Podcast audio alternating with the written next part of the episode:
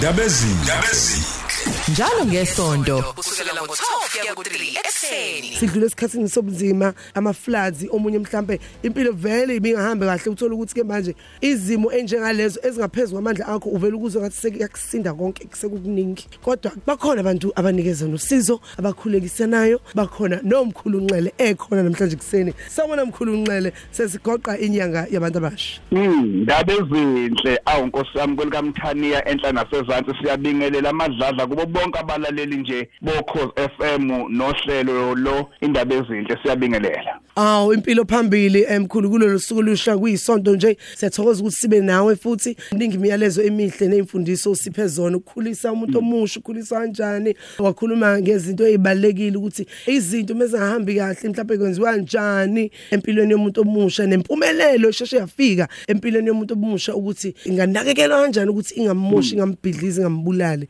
Yena umuntu omusha. Namhlanje ke isihloko oza naso isiphi? Nawe emlaleli usakhona nje ungabuza imibuzo ngaloko ozobe ukuzwa namhlanje noma ukufika emqondweni wakho ngokuthi uthumele ivoice note 0716136667 madladla. Yebo mkhulu.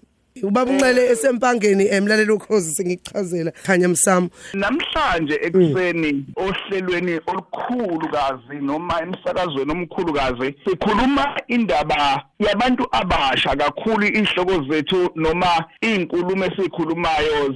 Zincika kakhulu ekubantu abasha njengoba sazi ukuthi inyanga yabo le abantu abasha. Ngifisa ukudlula ekulolu daba namhlanje kumuntu omuhla ukumelana nesimo akusona ekhaya noma kuphi lapha khona. Njengoba sokhumbula mlaleli ukuthi nawe madladla abanye abantu abasha baze bethathe izimpilo zabo nezindlela eziningi eziningi uthola ukuthi umuntu omusha uzihengile nentambo uthola ukuthi umuntu omusha usephuze amaphilisi onke noma usephuze ushevu ezama ukuzibulala ngenxa yesimo akusona noma ngenxa yongakwazi ukumelana nesimo ahlangabezane naso noma ukumelana nesimo esimficile omunye mhlawumbe basikhuluma njena sizokwazi madladla ukuthi njengoba esikhuluma omunye mhlambe wadlengulwa ebuncaneni bakhe omunye mhlasimpe usandokudlengulwa omunye mhlasimpe ziningi izinto ezenzekile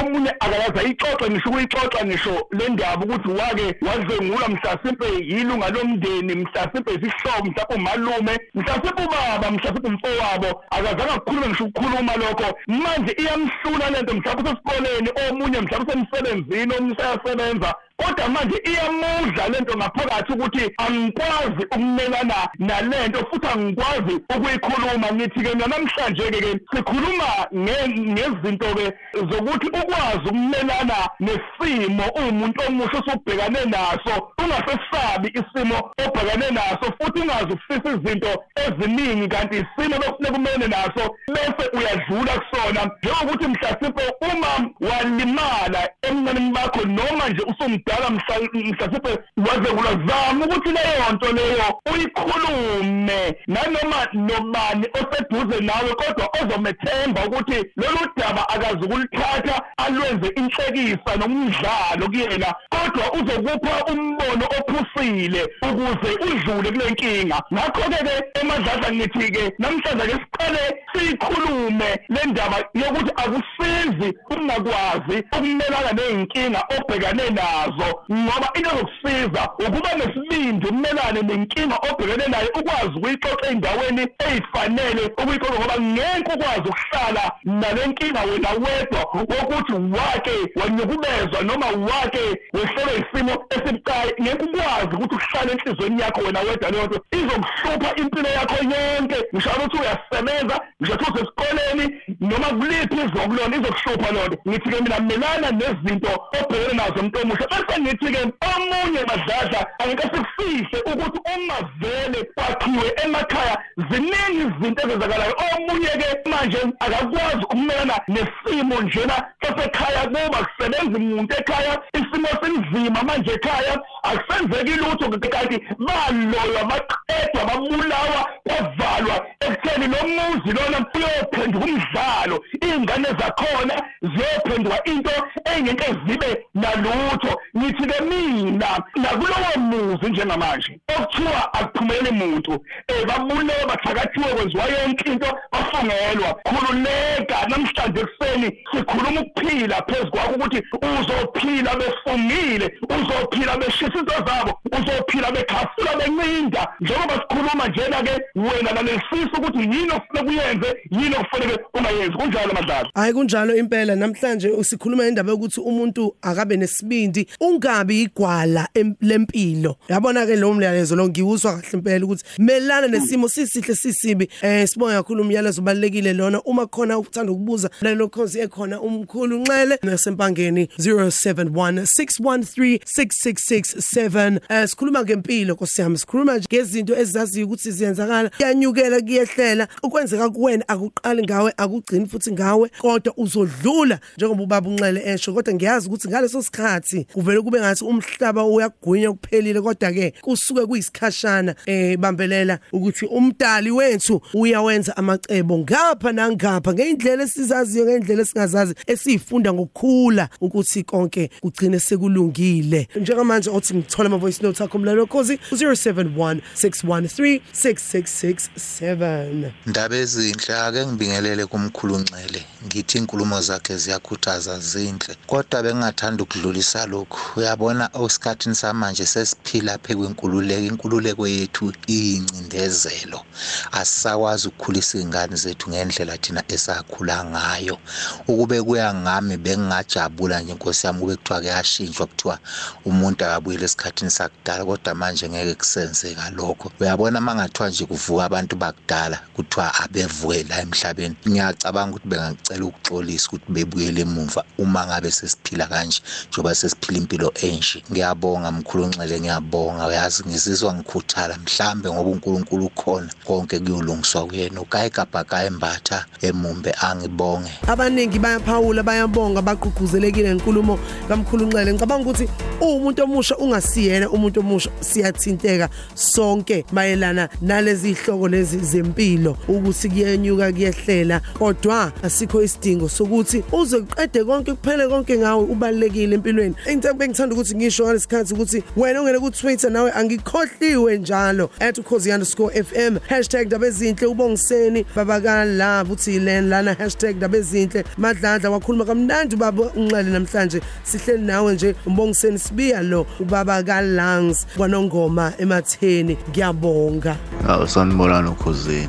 Ah, Ngicela ukubuza. Nginenkinga nampela enkulu la. Eh mina nginento ethi mangilele ivuke la esweni ngivuke ngikhale kakhulu kube ngathi ifuna ukuza ovalweni. Manje lento kade ngangilapha angisazi ukuthi kufanele ngenze njani. Ngeke ngithi uma ngithola izinto banginikezile bathi angizoyisebenzisa. Yila kuba khona namandla kakhulu uma ukuthi khona into ngiyakwenza manje. Angisazi ukuthi kumele ngenze njani. Kunzima ngazi impela ngicela usizo lapha ngoba eyi, ngibona ngathi kuyosangela ilanga ngishonile ngendlela okwenzeka ngoba kuvele kuzovala kuzohlala ovalweni lento Nkosi yami ngiyamuzwa lo okade eshaya khona manje la egcineni lokhuluma ngokuthi umelele unento eguqukayo. Njengoba kade ngisho ukuthi kukhona izinto ezimdaka noma ezubuthakathi ezikwazi ukumisa impilo yomuntu ukuthi ime ngqi.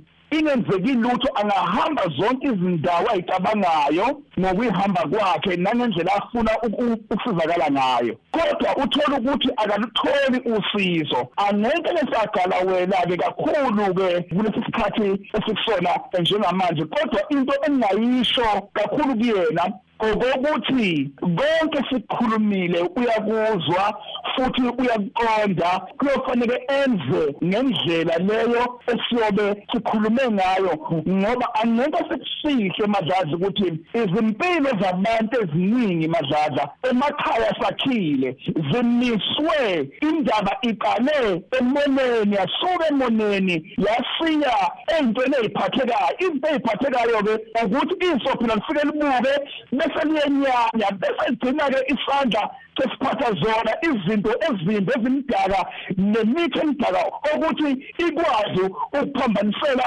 abanye abantu endleleni. Lezo zinto-ke kodwa-ke ziyalapheka ziyasuka.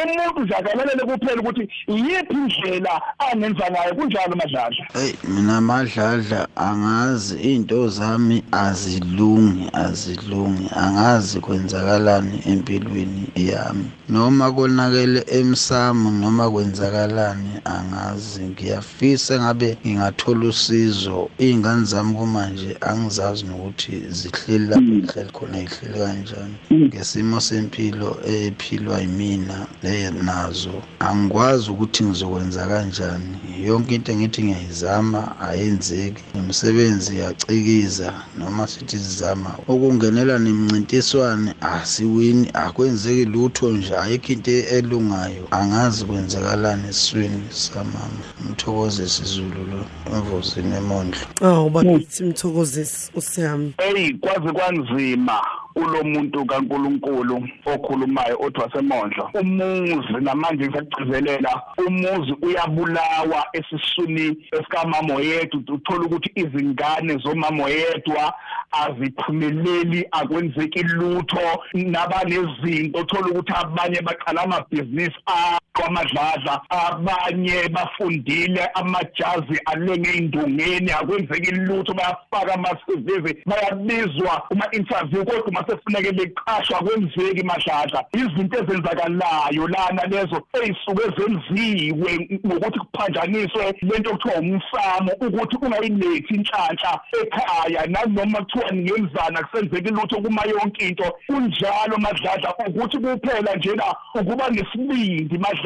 Efunde ukumelana nezinto ezimdaka ey'melele nabo ukuze bethole iqiniso lokudlula kuzona. Ngoba uma bengazange bebe nesibindi sokuthi bemelane benazo kufanele bekhale bekhale madladla bebuye futhi beyisule inyembezi bavuke bekhipha amehlo bebuke ukuthi yini abangayenza njengamanje. Sebekhalile-ke manje kwenzakalani ngabo uma bavalwa nezinto zokuthi la ekhaya akuyukusebenza muntu la ekhaya akuyu akuyukuthengwa ngisho imoto ingane zakhona ziyothenga imoto iyogigila ngosuku lokuqala. Leyo nto leyo madladla iyalashwa iphele ilungiswe ibuyele esimeni. Kunjalo madladla ngeke ngagala wena kakhulu kodwa nje ngizoveza lokho ukuthi izinto ezinjalo ziyalapheka madladla liphume kulelo kuleso sihogo lingene ekuphileni. Kunjalo madladla imininingwane yakho eh mkhulu abantu bangithola kuphi? Ngoba phela ngeke s- uphendule konke eh, Yebo. u- ulaphe wonke umuntu ngaso lesikhathi kodwa Awu. siyazwelana nabalaleli abangenile khona lapha kuma voice note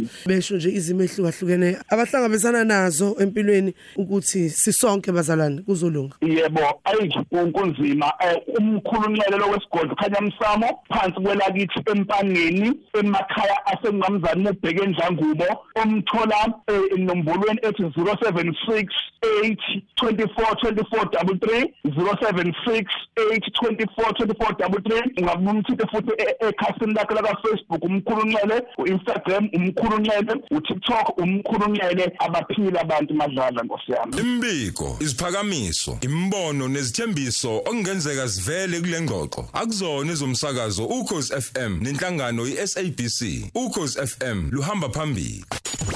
Ndabezini. Ndabezini. njalo ngesonto kusukela ngo-12 kuya ku-3 ekuseni